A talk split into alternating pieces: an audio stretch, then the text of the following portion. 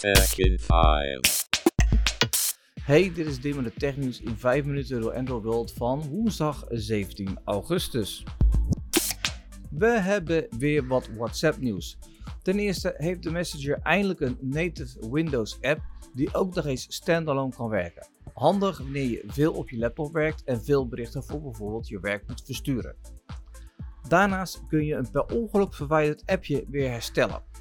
Deze nieuwe functie wordt nu getest met een aantal accounts die de beta-app van WhatsApp gebruiken.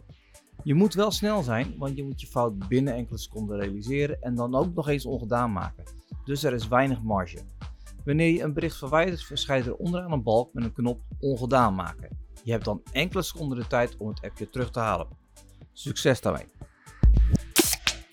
Facebook wil heel graag de strijd winnen van TikTok en daarom werken ze heel hard aan hun eigen reels.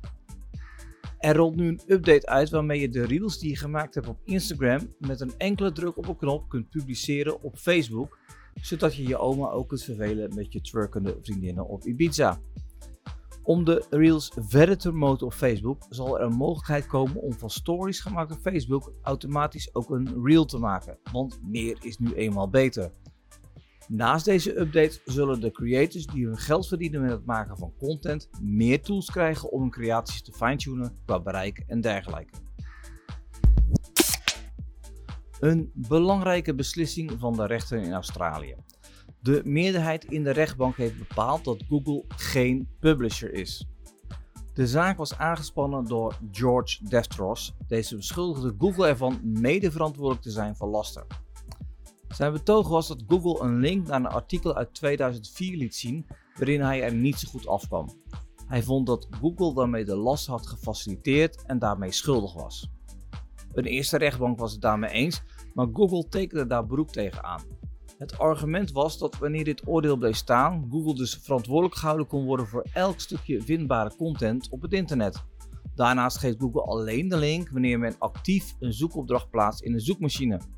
Daarmee is de persoon al actief op zoek naar, dat, artikel en verkrijgt daarmee de link. De link wordt niet random gepresenteerd aan mensen actief op Google. Airbnb was aardig in het nieuws vandaag. Het bedrijf verstuurde namelijk een onbedoelde notificatie naar iedereen die de app van het bedrijf geïnstalleerd heeft. De notificatie bevat de tekst Test Dev en is duidelijk een testbericht van een developer. Die arme man of vrouw vergat deze in de testomgeving te versturen, maar in plaats daarvan verstuurde hij het bericht naar alle actieve apps ter wereld. Over een slechte dag op het werk gesproken.